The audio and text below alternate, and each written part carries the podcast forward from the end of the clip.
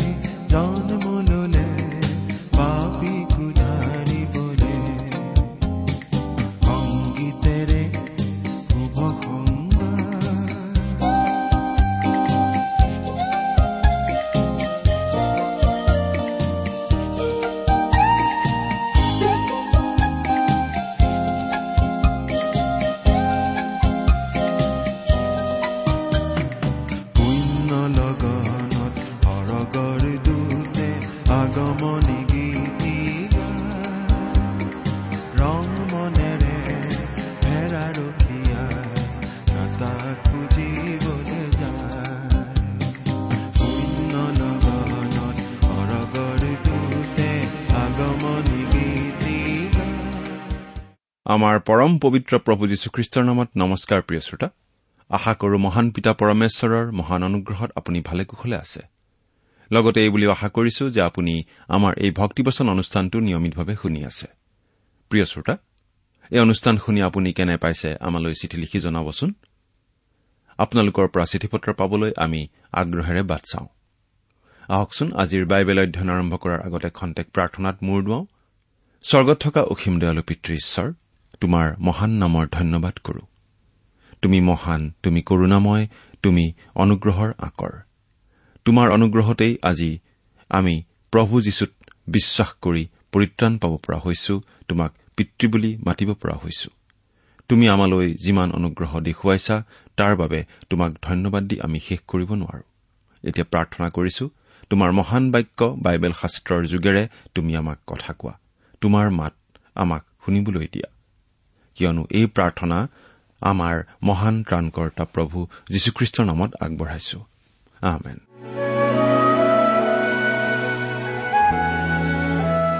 প্ৰিয় শ্ৰোতা আপুনি আমাৰ আগৰ অনুষ্ঠানটো শুনিছিল নে বাৰু?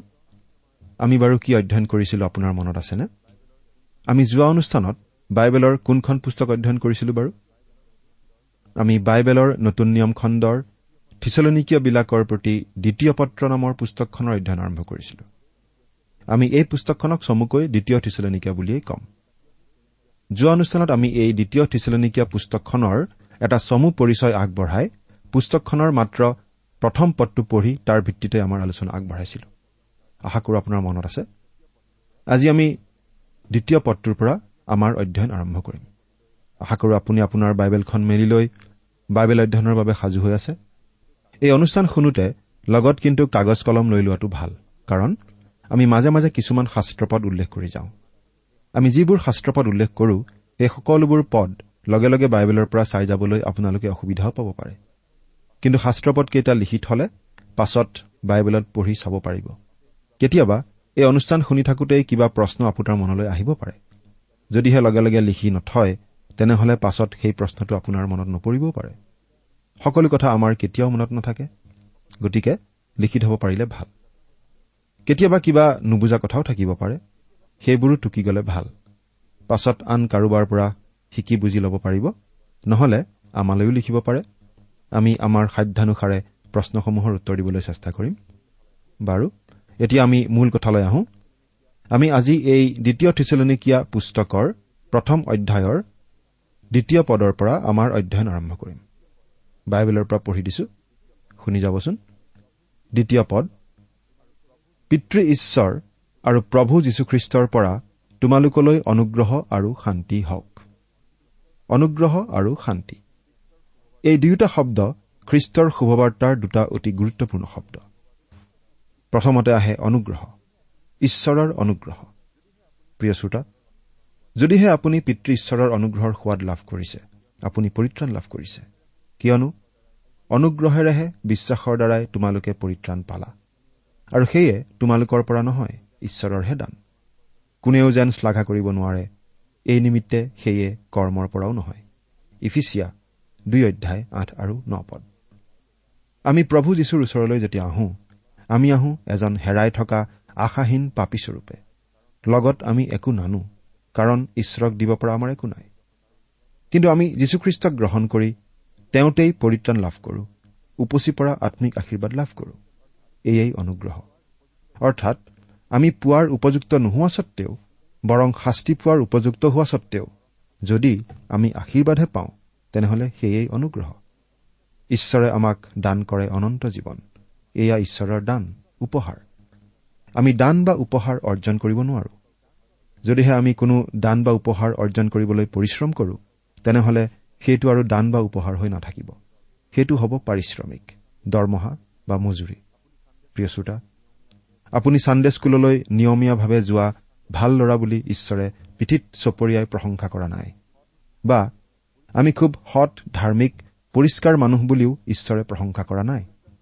আচলতে পৰিত্ৰাণ হৈছে আমাৰ দৰে হেৰাই থকা নৰক যোৱাৰ উপযুক্ত পাপী লোকলৈ আগবঢ়োৱা অনন্ত জীৱন। যদিহে আমি যীশুখ্ৰীষ্টক ত্ৰাণকৰ্তা বুলি গ্ৰহণ কৰো। এয়েই হৈছে অনুগ্ৰহ। শান্তি। যদিহে আমি ঈশ্বৰৰ অনুগ্ৰহৰ অভিজ্ঞতা পাইছো অৰ্থাৎ প্ৰভু যীশুক ত্ৰাণকৰ্তা বুলি গ্ৰহণ কৰি পৰিত্ৰাণ লাভ কৰিছো তেনেহলে আমি ঈশ্বৰৰ পৰা শান্তিও লাভ কৰিছো। শান্তি হৈছে এই পৃথিৱীৰ ভিতৰত আটাইতকৈ কোমল গাৰু যি গাৰুত মূৰ থৈ আমি নিশা অতি শান্তিৰে টোপনি মাৰিব পাৰো। এই শান্তি কেতিয়া আহে জানেনে প্ৰিয় শ্ৰোতা? যেতিয়া আমি এই কথা নিশ্চিতভাৱে গম পাওঁ যে আমাৰ সকলো পাপ ক্ষমা কৰা হৈ গ'ল তেতিয়াই আমি এই শান্তি উপভোগ কৰিব পাৰো। কোনো মনোবৈজ্ঞানিক ব্যায়ামৰ দ্বাৰা শান্তি নাহে। মনোবিজ্ঞানী নাইবা মানসিক চিকিৎসকৰ উপদেশৰ যোগেদিও শান্তি নাহে। কিন্তু ই আহে স্বৰ্গীয় উৎসৰ পৰা আমাৰ পিতৃ ঈশ্বৰ আৰু প্ৰভু যীশুখ্ৰীষ্টৰ পৰা। ই আচলতে জাগতিক উৎসৰ পৰা উৎপন্ন নহয় ঈশ্বৰৰ পৰা আহিব লাগে। যদিহে এই শান্তি আপোনাৰ লগত নাই তেনেহলে আপুনিও লাভ কৰিব পাৰে কাৰণ খ্ৰীষ্টক পৰিত্ৰতাৰূপে গ্ৰহণ কৰা প্ৰতিজন মানুহকেই এই বিশেষ দান ঈশ্বৰে দিয়ে। এতিয়া তিনি নম্বৰ পদটো পঢ়িম। হে ভাইবিলাক তোমালোকৰ কাৰণে সদায় ঈশ্বৰক ধন্যবাদ দিয়া আমাৰ কৰ্তব্য আৰু এয়ে উপযুক্ত কাৰ্য। কিয়নো তোমালোকৰ বিশ্বাস অতিশয়ৰূপে বাঢ়ি বাঢ়ি গৈছে আৰু এজন এজনকৈ তোমালোক সকলোৰে প্ৰেম পৰস্পৰৰ প্ৰতি উপচি পৰিছে। হে ভাইবিলাক পাচনি পৌলে থিচলনিকীত থকা খ্ৰীষ্টীয় বিশ্বাসীসকলক ভাই বুলি সম্বোধন কৰিছে। এই কথাটো আমি সুবিধা বুজি প্ৰায়েই উল্লেখ কৰি আহিছো যে খ্ৰীষ্টীয় বিশ্বাসীসকল ভাই ভাই। কেতিয়াবা আমি বন্ধুত্বপূৰ্ণ ভাৱ বুজাবলৈ ভাই ভাই শব্দটো ব্যৱহাৰ কৰিব পাৰো। কিন্তু খ্ৰীষ্টীয় বিশ্বাসীসকল প্ৰকৃততেই ভাই ভাই। একেজন পিতৃৰ সন্তান মানে ভাই ভাই। খ্ৰীষ্টীয় বিশ্বাসী লোকসকল একেজন পিতৃৰ সন্তান। আৰু সেই পিতৃ হৈছে স্বয়ং ঈশ্বৰ। যিকোনো লোকেই যীশুখ্ৰীষ্টক ত্ৰাণকৰ্তা বুলি গ্ৰহণ কৰাৰ লগে লগেই পৰিত্ৰাণ লাভ কৰে। আৰু পবিত্ৰ আত্মাৰ যোগেদি আম্মিকভাৱে নতুন জন্ম লাভ কৰে। লগে লগে তেওঁ হৈ পৰে ঈশ্বৰৰ সন্তান ঈশ্বৰৰ পৰিয়ালৰ লোক। গতিকে আন আন খ্ৰীষ্টীয় বিশ্বাসীসকল হৈ পৰে তেওঁৰ ভাই। এই কথাটো আমি সকলোৱে মনত ৰাখিলে আমাৰ মাজত মিলা প্ৰীতি ঐক্যৰ ভাৱ অধিক দৃঢ় হলহেঁতেন আমাৰ সহভাগিতা অধিক মধুৰ হলহেঁতেন তোমালোকৰ কাৰণে সদায় ঈশ্বৰক ধন্যবাদ দিয়া আমাৰ কৰ্তব্য। পাচনি পৌলে প্ৰাৰ্থনা কালত বহুতো লোকৰ কথা মনত পেলাই ঈশ্বৰক ধন্যবাদ দিছিল। তেওঁ অনেক ঠাইত খ্ৰীষ্টৰ শুভবাৰ্তা ঘোষণা কৰিছিল আৰু খ্ৰীষ্টীয় মণ্ডলী স্থাপন কৰিছিল। এই বিভিন্ন ঠাইৰ খ্ৰীষ্টীয় বিশ্বাসীসকলৰ কথা মনত পেলাই প্ৰাৰ্থনা কৰিছিল। তেওঁ থিচলনিকিত থকা খ্ৰীষ্টীয় বিশ্বাসীসকলৰ কাৰণেও ঈশ্বৰক ধন্যবাদ দিছিল। সদায়। তেনেদৰে ধন্যবাদ দিয়াটো তেওঁ কৰ্তব্য বুলি ধৰিছিল। আৰু এয়ে উপযুক্ত কাৰ্য। থিচলনিকীয়া বিশ্বাসীসকলক পৌলে ভাল পাইছিল কাৰণ তেওঁৰ পৰিচৰ্যাৰ যোগেদি তেওঁলোক খ্ৰীষ্টলৈ আহিছিল। কিন্তু সেই বুলিয়েই তেওঁলোকৰ কথা মনত পেলাই তেওঁ ধন্যবাদ দিছিল এনে নহয়। তেওঁ কৈছে তেওঁলোকৰ কাৰণে ধন্যবাদ দিয়াটো উপযুক্ত কাৰ্য। অৰ্থাৎ তেওঁলোকৰ কাৰণে ধন্যবাদ দিয়াৰ যথেষ্ট স্থল আছিল। তেওঁলোকৰ জীৱন এনেকুৱা আছিল যে তেওঁলোকৰ বাবে ধন্যবাদ দিব পাৰিছিল পাচনি পৌলে। কিয়নো তোমালোকৰ বিশ্বাস অতিশয় ৰূপে বাঢ়ি বাঢ়ি গৈছে। পৰিত্ৰাণ লাভ কৰিবলৈ বাৰু কিমান বিশ্বাসৰ প্ৰয়োজন? আচলতে আমি বিশ্বাস জুখিব নোৱাৰো। বিশ্বাসৰ পৰিমাণ আমি ওজন জোখাৰ দৰে জুখিব নোৱাৰো। কিন্তু আমি যদি বিশ্বাস কৰো যে আমি পাপী আৰু আমাৰ নিজকে উদ্ধাৰ কৰাৰ ক্ষমতা নাই আমি যদি বিশ্বাস কৰো যে প্ৰভু যীশুৱে আমাৰ সকলো পাপৰ শাস্তি নিজে গা পাতি ললে ক্ৰুচৰ ওপৰত আৰু আমাৰ হৈ আমাৰ পাবলগীয়া শাস্তি বহন কৰিলে আৰু তেওঁৱেই আমাৰ ত্ৰাণকৰ্তা আৰু সেই কথা বিশ্বাস কৰি যদি তেওঁকেই আমি ত্ৰাণকৰ্তা বুলি গ্ৰহণ কৰি আমাৰ হৃদয়লৈ তেওঁক আহান কৰো তেনেহলে আমি পৰিত্ৰাণ লাভ কৰো। এনেদৰে বিশ্বাস কৰি প্ৰভু যীশুত ভৰসা কৰা সকলো লোকেই পৰিত্ৰাণ পায়। কিন্তু পৰিত্ৰাণ পোৱাৰ পাছত খ্ৰীষ্টীয় বিশ্বাসী হিচাপে জীৱন ধাৰণ কৰি যাবলৈও আমাক বিশ্বাসৰ প্ৰয়োজন। জীৱনৰ প্ৰতিটো খোজতেই আমি আমাৰ প্ৰভুক ভৰসা কৰি চলিবলৈ শিকিব লাগে। আমি প্ৰভুক ভৰসা কৰিব পাৰো যদিহে প্ৰভূত আমাৰ বিশ্বাস থাকে। এই ক্ষেত্ৰত খ্ৰীষ্টীয় বিশ্বাসীসকলৰ মাজত অলপ তাৰতম্য থাকিব পাৰে। কিছুমান খ্ৰীষ্টীয় বিশ্বাসীয়ে সৰু বৰ সকলো কথাতেই ঈশ্বৰক ভৰসা কৰি চলিব পৰা হয় কাৰণ তেওঁলোকৰ বিশ্বাস দিনে দিনে বাঢ়ি থাকে। আচলতে আমি যিমানেই ঈশ্বৰত ভৰসা কৰি তেওঁতেই বিশ্বাস কৰি চলো সিমানেই আমাৰ বিশ্বাস বাঢ়ি যায়। কাৰণ ঈশ্বৰে সদায় আমাৰ বিশ্বাস সফল কৰে গতিকে আমাৰ বিশ্বাস দৃঢ় হয়। কিন্তু আমি ঈশ্বৰত ভৰসা কৰি চলিবলৈ নিশিকিলে আমাৰ বিশ্বাসো নাবাঢ়ে। যদি আমাৰ বিশ্বাস নাবাঢ়ে আমি সৰু সৰু কথাকে লৈ ভয় কৰি থাকো। জীৱনৰ সৰু সৰু সমস্যাই আমাক জুৰুলা কৰিব ধৰে। থিচলনিকীয়া বিশ্বাসীসকলৰ বিশ্বাস কিন্তু অতিশয়ৰূপে বৃদ্ধি পাইছিল। বিশ্বাস বাঢ়ি বাঢ়ি গৈছিল। আৰু এজন এজনকৈ তোমালোক সকলোৰে প্ৰেম পৰস্পৰৰ প্ৰতি উপচি পৰিছে। থিচলনিকীয়া বিশ্বাসীসকলে পৰস্পৰে পৰস্পৰৰ প্ৰতি প্ৰেমত উপচি পৰিছিল। ইয়াত পাচনি পৌলে প্ৰেমৰ কথা উল্লেখ কৰিছে। ইয়াৰ পিছৰ পদটো অৰ্থাৎ চাৰি নম্বৰ পদটোত তেওঁ উল্লেখ কৰিছে ধৈৰ্য আৰু বিশ্বাসৰ কথা। এই তিনিটা শব্দ পাচনি পৌলে একেলগে ব্যৱহাৰ কৰা আমি পাই আহিছো প্ৰথম থিচলনিকীয়া পুস্তকতো। এই শব্দ তিনিটা বিমূৰ্ত শব্দ অৰ্থাৎ এইকেইটা আমি হাতেৰে স্পৰ্শ কৰিব পৰা বিধৰ বস্তু নহয়। আমি জুখি চাব নোৱাৰো গণি চাব নোৱাৰো। কিন্তু এই বিমূৰ্ত শব্দকেইটাক আমি মূৰ্ত কৰি তুলিব পাৰিব লাগিব। আমাৰ দৈনন্দিন জীৱনৰ খোজত এই শব্দকেইটা প্ৰকাশ পাই উঠিব লাগিব। এইটো আকৌ বিশ্বাসৰেই কাৰ্য। এই বিশ্বাসৰ কাৰ্যৰ কথাকে পাচনি পৌলে প্ৰথম থিচলনিকীয়া প্ৰথম অধ্যায় তিনি পদত উল্লেখ কৰিছিল। পৰিত্ৰাণ লাভ কৰা বিশ্বাসৰ ফলতেই কৰ্মৰ উদ্ভৱ হয়। আমি কাৰ্যৰ দ্বাৰা পৰিত্ৰাণ নাপাওঁ। প্ৰভু যীশুত কৰা বিশ্বাসৰ যোগেদিহে পৰিত্ৰাণ পাওঁ। কিন্তু বিশ্বাস কৰি পৰিত্ৰাণ লাভ কৰাৰ পাছত সেই কথাটো আমাৰ কাৰ্যৰ যোগেদি প্ৰকাশ পাই উঠিবই। পৰিত্ৰাণ লাভ কৰা লোকৰ হৃদয়ত ঈশ্বৰৰ সন্তানবোৰৰ প্ৰতি এক বিশেষ ধৰণৰ প্ৰেম উৎপন্ন হবই। প্ৰিয় শ্ৰোতা আপুনি যদি খ্ৰীষ্টক গ্ৰহণ কৰি ঈশ্বৰৰ সন্তান হৈছে তেনেহলে আপুনি ঈশ্বৰৰ আন সন্তানসকলক প্ৰেম কৰিবই লাগিব। এইটো ঈশ্বৰে দিয়া এটা আদেশ। ইয়াৰ পাছৰ পদটোত পাচনি পৌলে প্ৰেম আৰু বিশ্বাসৰ সৈতে ব্যৱহাৰ কৰা তৃতীয়টো শব্দ উল্লেখ কৰিছে। সেই শব্দটো হৈছে ধৈৰ্য।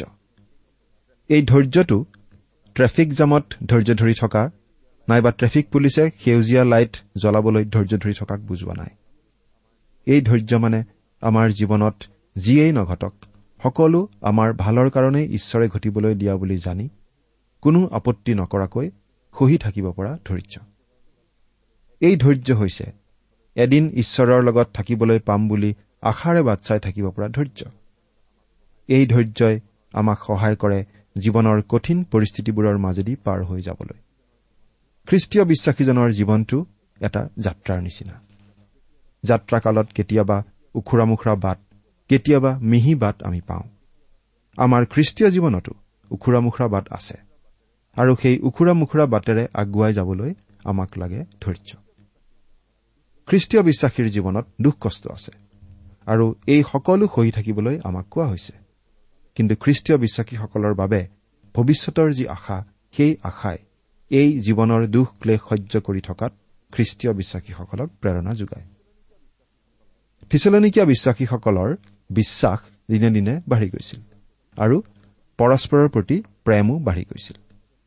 প্ৰিয় শ্ৰোতা আপুনি আন খ্ৰীষ্টীয় বিশ্বাসীৰ প্ৰতি প্ৰেমত বৃদ্ধি নোপোৱাকৈ ঈশ্বৰৰ উদ্দেশ্যে বিশ্বাসত বৃদ্ধি পাব নোৱাৰে। কাৰণ যদিহে আপুনি ঈশ্বৰৰ উদ্দেশ্যে অনুগ্ৰহ জ্ঞান আৰু বিশ্বাসত বৃদ্ধি পায় তেনেহলে আন খ্ৰীষ্টীয় বিশ্বাসীৰ প্ৰতিও আপোনাৰ প্ৰেম বৃদ্ধি পাব। ঈশ্বৰে আমাৰ জীৱনলৈ দুখ কষ্ট আদি আহিবলৈ দিয়ে যাতে আমাৰ জীৱনত ধৈৰ্য উৎপন্ন হয়। ইয়েই আমাক ভৱিষ্যতলৈ আশাৰে বাট চাবলৈ শিকায়। এতিয়া চাৰি নম্বৰ পদটো পঢ়িম। তাতে তোমালোকে যি সকলো তাৰণা আৰু ক্লেশ সহন কৰি আছা সেই সকলোতে তোমালোকৰ যি ধৈৰ্য আৰু বিশ্বাস তাৰ কাৰণে আমি নিজে ঈশ্বৰৰ মণ্ডলীবিলাকত তোমালোকৰ শ্লাঘা কৰিছো। থিচলনিকিয়াৰ খ্ৰীষ্টীয় বিশ্বাসীসকলে তাৰণা আৰু ক্লেশ সহন কৰি আছিল। কিন্তু সেয়া মহাক্লেশৰ আৰম্ভণি নহয়। সেয়া আছিল প্ৰায় দুহেজাৰ বছৰ আগৰ কথা। মহাক্লেশ পৃথিৱীত এতিয়াও আৰম্ভ হোৱা নাই। কিন্তু মহাক্লেশ আৰম্ভ নহলেও খ্ৰীষ্টীয় বিশ্বাসী হিচাপে আমি নানা ধৰণৰ তাৰণা আৰু ক্লেশৰ সন্মুখীন হ'ব লগা হয়। আমাক বাধ্য অৱস্থাত ৰাখিবৰ কাৰণেই পিতৃ ঈশ্বৰে আমাৰ জীৱনলৈ এনে তাৰণা আদি আহিবলৈ দিয়ে। পিতাকে সন্তানক শাসন কৰেই সন্তানৰ মংগলৰ কাৰণে। পিতৃ ঈশ্বৰেও আমাৰ মংগলৰ কাৰণেই দুখ ক্লেশ তাৰণা আমাৰ জীৱনলৈ আহিবলৈ দিয়ে। সকলো দুখ ক্লেশ আৰু তাৰণাৰ মাজতো এই থিচলনিকীয়া খ্ৰীষ্টীয় বিশ্বাসীসকলে ধৈৰ্য আৰু বিশ্বাসৰ চিনাকি দিছিল। ইয়াৰ ধৈৰ্য শব্দটো মন কৰিবলগীয়া। যিটো মূল গ্ৰীক শব্দৰ সলনি ইয়াত ধৈৰ্য শব্দটো ব্যৱহৃত হৈছে সেই গ্ৰীক শব্দটোৰ অৰ্থ হৈছে তলত থিয় হোৱা। অৰ্থাৎ কিবা এটা আৱৰণৰ তলত ঢাক খাই থকা। আমি বেছিভাগ মানুহেই দুখ ক্লেশ আদিৰ ঢাকনিৰ তলৰ পৰা ওলাই আহিব খোজো। কিন্তু ধৈৰ্য থকা মানুহে তাৰ তলতেই সহি থাকিব পাৰে। তেওঁ সেই কষ্টৰ বোজা দলিয়াই পেলাব নোখোজে দায়িত্ব এৰাই চলিব নোখোজে। সেই সময়ৰ ৰোমান সাম্ৰাজ্যত এই থিচলনিকীয়া খ্ৰীষ্টিয়ানসকলৰ সুনাম বিয়পি পৰিছিল। যদিও তেওঁলোকে ভীষণ তাৰণা অত্যাচাৰ দুখ যন্ত্ৰণা আদি সহ্য কৰিব লগা হৈছিল তথাপি তেওঁলোকৰ ধৈৰ্য আৰু বিশ্বাস দৃঢ় হৈ আছিল। সেই কথাটো লৈ পাচনি পৌলে আনকি গৌৰৱ কৰিব পৰা অৱস্থা হৈছিল। নিজৰ সন্তান ভাল হোৱা দেখিলে পিতৃ মাতৃৰ গৌৰৱ কৰিবৰ মন যায় নহয়নে বাৰু? ঠিক একেদৰে এই খ্ৰীষ্টীয় বিশ্বাসীসকলো পাচনি পৌলৰ যোগেদিয়েই খ্ৰীষ্টলৈ অহা আম্মিক সন্তানৰ নিচিনা আছিল। গতিকে তেওঁলোকৰ ভাল গুণ দেখি তেওঁৰ নিশ্চয় গৌৰৱ কৰিবৰ মন যাব। নহয়নে বাৰু? প্ৰিয় শ্ৰোতা খ্ৰীষ্টীয় বিশ্বাসীসকলৰ কাৰণে দুখ কষ্ট একো আচহুৱা বস্তু নহয় একো নতুন বস্তু নহয়। বাইবেলে আমাক স্পষ্ট কৰি দিছে যে আমি এই জীৱনত দুখ কষ্ট পামেই। বাইবেলৰ পৰা আমি কেইটামান পদ এতিয়া পাঠ কৰি দিম। প্ৰথম পিতৰ চাৰি নম্বৰ অধ্যায়ৰ বাৰ নম্বৰ পদত আমি এনেদৰে পাওঁ হে প্ৰিয়বিলাক তোমালোকৰ পৰীক্ষাৰ অৰ্থে তোমালোকৰ মাজত যি জুই জ্বলিছে সেয়ে তোমালোকলৈ অসম্ভৱ ঘটনা ঘটিছে বুলি তাৰ বিষয়ে তোমালোকে আচৰিত নামানিবা। কেতিয়াবা কোনো কোনো খ্ৰীষ্টীয় বিশ্বাসীয়ে কয় ঈশ্বৰেনো মোক এনে এটা পৰিস্থিতিত কিয় পেলালে? কোনেও আগতে মোৰ নিচিনা এনেকুৱা কঠিন পৰিস্থিতিত নিশ্চয় পৰা নাই। মই বৰ কষ্টত আছো। কিন্তু এই কথা সঁচা নহয় বুলি আমি ক'ব পাৰোঁ। আমাৰ জীৱনলৈ দুখ কষ্ট অহাটো আচৰিত কথা নহয়। দুখ কষ্ট খ্ৰীষ্টীয় বিশ্বাসীৰ বাবে আচহুৱা বস্তু নহয়। বাইবেলত কি কৈছে আকৌ শুনকচোন। আমি পাঠ কৰি দিম। প্ৰথম পিতৰ চাৰি নম্বৰ অধ্যায়ৰ তেৰ নম্বৰ পদ। ইয়াত কি কৈছে? বৰং যি পৰিমাণে খ্ৰীষ্টৰ দুখ ভোগৰ সহভাগী হৈছা সেই পৰিমাণে আনন্দ কৰা যেন তেওঁৰ গৌৰৱ প্ৰকাশিত হোৱা কালত তোমালোকে আনন্দেৰে উল্লাস কৰিব পাৰা। ইয়াত আমাক এটা কথা কিন্তু সুকীয়াই দিয়া হৈছে। বহু সময়ত আমি এই সমস্যাৰ সৃষ্টি কৰি লওঁ। কিন্তু তাৰ বাবে আমি কাকো দোষ দিব নোৱাৰো। এতিয়া আমি যদি কিবা দুখ কষ্ট ভোগ কৰিছো খ্ৰীষ্টৰ কাৰণে তেনেহলে আমি খ্ৰীষ্টৰ দুখভোগৰ সহভাগী হৈছো বুলি কৈছে। খ্ৰীষ্টীয় বিশ্বাসৰ হকে থিয় হোৱাৰ বাবে যদি কিবা দুখ কষ্ট ভোগ কৰিবলগীয়া হয় সেই দুখ কষ্ট খ্ৰীষ্টৰ দুখভোগৰ সহভাগী হোৱাৰ কাৰণেই কৰা কষ্ট বুলি কোৱা হৈছে। আৰু যদিহে তেনেদৰে খ্ৰীষ্টৰ কাৰণে দুখ ভোগ কৰিব লগা হয় তেতিয়াহ'লে আনন্দ কৰিবলৈ কোৱা হৈছে। কিন্তু আন কাৰণত যদি দুখ ভোগ কৰিব লগা হয় তেতিয়াহ'লে আমি কাকো দোষ দিব নোৱাৰো। পোন্ধৰ নম্বৰ পদত কি কৈছে? তাৰ আগতে চৈধ্য নম্বৰ পদটো পঢ়ি দিছো। তাৰপিছত একেলগে পোন্ধৰ নম্বৰ পদটো পঢ়ি দিম। যদি খ্ৰীষ্টৰ নামৰ নিমিত্তে নিন্দিত হোৱা তেন্তে তোমালোক ধন্য। কিয়নো গৌৰৱৰ আত্মা অৰ্থাৎ ঈশ্বৰৰ আত্মা তোমালোকৰ ওপৰত আছে। তোমালোকৰ মাজত কোনেও নৰবধি বা চুৰ বা কুকৰ্মকাৰী বা পৰচৰ্চাকাৰী বুলি দুখ ভোগ নকৰক। অসৎ কৰ্ম কৰি বা নিজৰ কুস্বভাৱৰ কাৰণে দুখ কষ্ট ভোগ কৰিব লগা হোৱাত কোনো আশীৰ্বাদ নাই। কোনো গৌৰৱৰ কথা সেইটো নহয়। তেনেধৰণৰ দুখ কষ্টই আমাৰ একো উপকাৰ নকৰে আমাৰ ধৈৰ্য নবঢ়ায়। খ্ৰীষ্টৰ গৌৰৱ নানে আমাৰ নিজৰো গৌৰৱ নানে বৰং আমাৰ অপযশ বদনাম আদিহে আনে। কিন্তু আমি যদিহে খ্ৰীষ্টীয় বিশ্বাসী হোৱাৰ কাৰণে খ্ৰীষ্টৰ হকে থিয় হোৱাৰ কাৰণে দুখ ক্লেশ আদি সহিব লগা হয় তেন্তে তাত আশীৰ্বাদ আছে। এতিয়া আমি তাৰ পিছৰ পদটো পাঠ কৰি দিম। প্ৰথম পিতৰ চাৰি নম্বৰ অধ্যায়ৰ ষোল্ল নম্বৰ পদ। ইয়াত আমি এনেদৰে পাওঁ। কিন্তু খ্ৰীষ্টিয়ান হোৱা কাৰণে যদি দুখ ভোগ কৰে তেন্তে তেওঁ লজ্জিত নহৈ সেই নামেৰে ঈশ্বৰক গৌৰৱান্বিত কৰক। অসৎ কাম কৰি শাস্তি পোৱা আৰু ধৈৰ্য বৃদ্ধিৰ বাবে ঈশ্বৰে কৰা অনুশাসনৰ মাজত পাৰ্থক্য আছে। ঈশ্বৰে তেওঁৰ সন্তানবোৰক অনুশাসন কৰে। তেওঁলোকৰ বৃদ্ধিৰ কাৰণে উন্নতিৰ কাৰণে যাতে তেওঁলোকৰ ধৈৰ্য বাঢ়ে। আৰু ভৱিষ্যতৰ আশা দৃঢ় হয়। এই পৃথিৱীত আমি খুব বেছি আৰামত থকাটো বেয়া কাৰণ তেতিয়া আমি এই জগততেই মচগুল গৈ প্ৰভু যীশুৰ অচিৰেই হবলগীয়া আগমনৰ কথা পাহৰি থাকিব পাৰোঁ। তেতিয়া আমি সৎভাৱে জীৱন যাপন কৰিবলৈ হয়তো অৱহেলা কৰিব পাৰোঁ। হয়তো ঈশ্বৰৰ কথালৈ আমি অৱহেলা কৰিব পাৰোঁ। সেইবাবে মাজে মাজে আমাৰ জীৱনলৈ ঈশ্বৰে কিছুমান দুখ কষ্ট আহিবলৈ দিয়ে। এতিয়া আমি পাঁচ নম্বৰ পদটো পাঠ কৰি দিছো। ঈশ্বৰৰ যি ৰাজ্যৰ নিমিত্তে তোমালোকে দুখ ভোগ কৰি আছা তোমালোক সেই ৰাজ্যৰ যোগ্য পাত্ৰ বুলি ঈশ্বৰে যি ন্যায় বিচাৰ কৰিব তাৰ লক্ষণ সেই ধৈৰ্য আৰু বিশ্বাস। প্ৰিয় শ্ৰোতা আমি যি দুখ কষ্ট ভোগ কৰোঁ সেইবোৰে আমাক পৰিত্ৰাণ নিদিয়ে। কিন্তু সেইবোৰে আমাক সাজু কৰি তোলে আহিবলগীয়া অনন্তকলীয়া সৰগীয় জীৱনৰ কাৰণে। এতিয়া ছয় আৰু সাত নম্বৰ পদ দুটা পাঠ কৰি দিছো।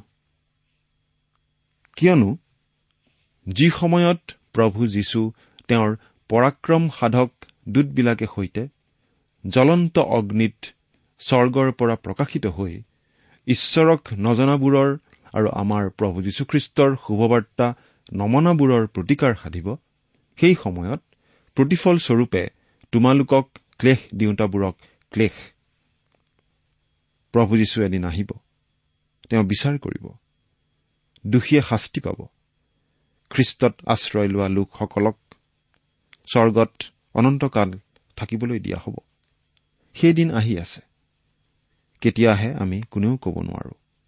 কিন্তু আমি সকলোৱে এটা কথা মনত ৰখা উচিত যে সেই দিন হ'ব খ্ৰীষ্টীয় বিশ্বাসীসকলৰ বাবে আনন্দৰ দিন কিন্তু খ্ৰীষ্টীয় বিশ্বাসীসকলক তাৰণা কৰা লোকসকলৰ বাবে ক্লেশৰ দিন। আমি সকলোৱে সেই কথা মনত ৰাখি এটা কাম কৰিব পাৰো। প্ৰভু যীশুত আশ্ৰয় লৈ তেওঁকেই ত্ৰাণকৰ্তা বুলি মানি লৈ আহিবলগীয়া সেই দিনৰ কাৰণে নিজকে সাজু কৰি ৰাখিব পাৰো। সেই কাম কৰাৰ সিদ্ধান্ত বাৰু আপুনি আজিয়েই নলয় কিয়? ঈশ্বৰ আপোনাৰ সহায় হওক। আমেন।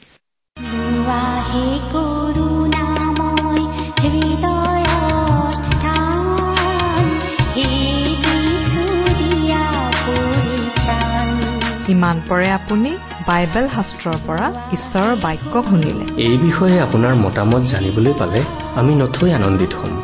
আমি প্ৰস্তুত কৰা বাইবেল অধ্যয়নৰ চিডিসমূহ পাব বিচাৰিলে আৰু অনুষ্ঠানত প্ৰচাৰ কৰা কোনো কথা বুজিব লগা থাকিলেও আমালৈ লিখক।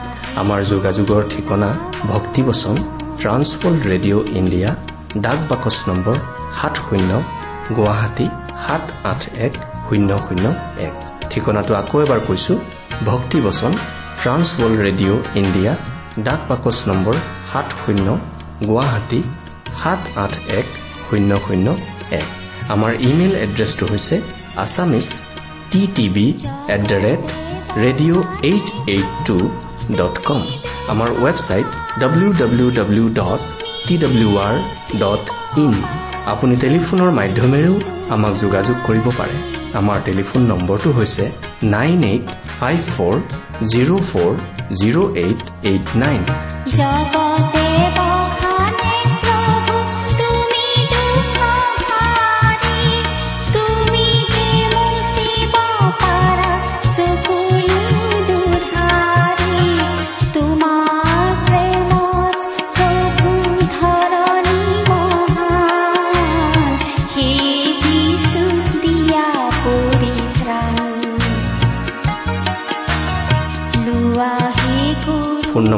আকৌ এবাৰ কৈছো ন আঠ পাঁচ চাৰি শূন্য চাৰি শূন্য আঠ আঠ ন।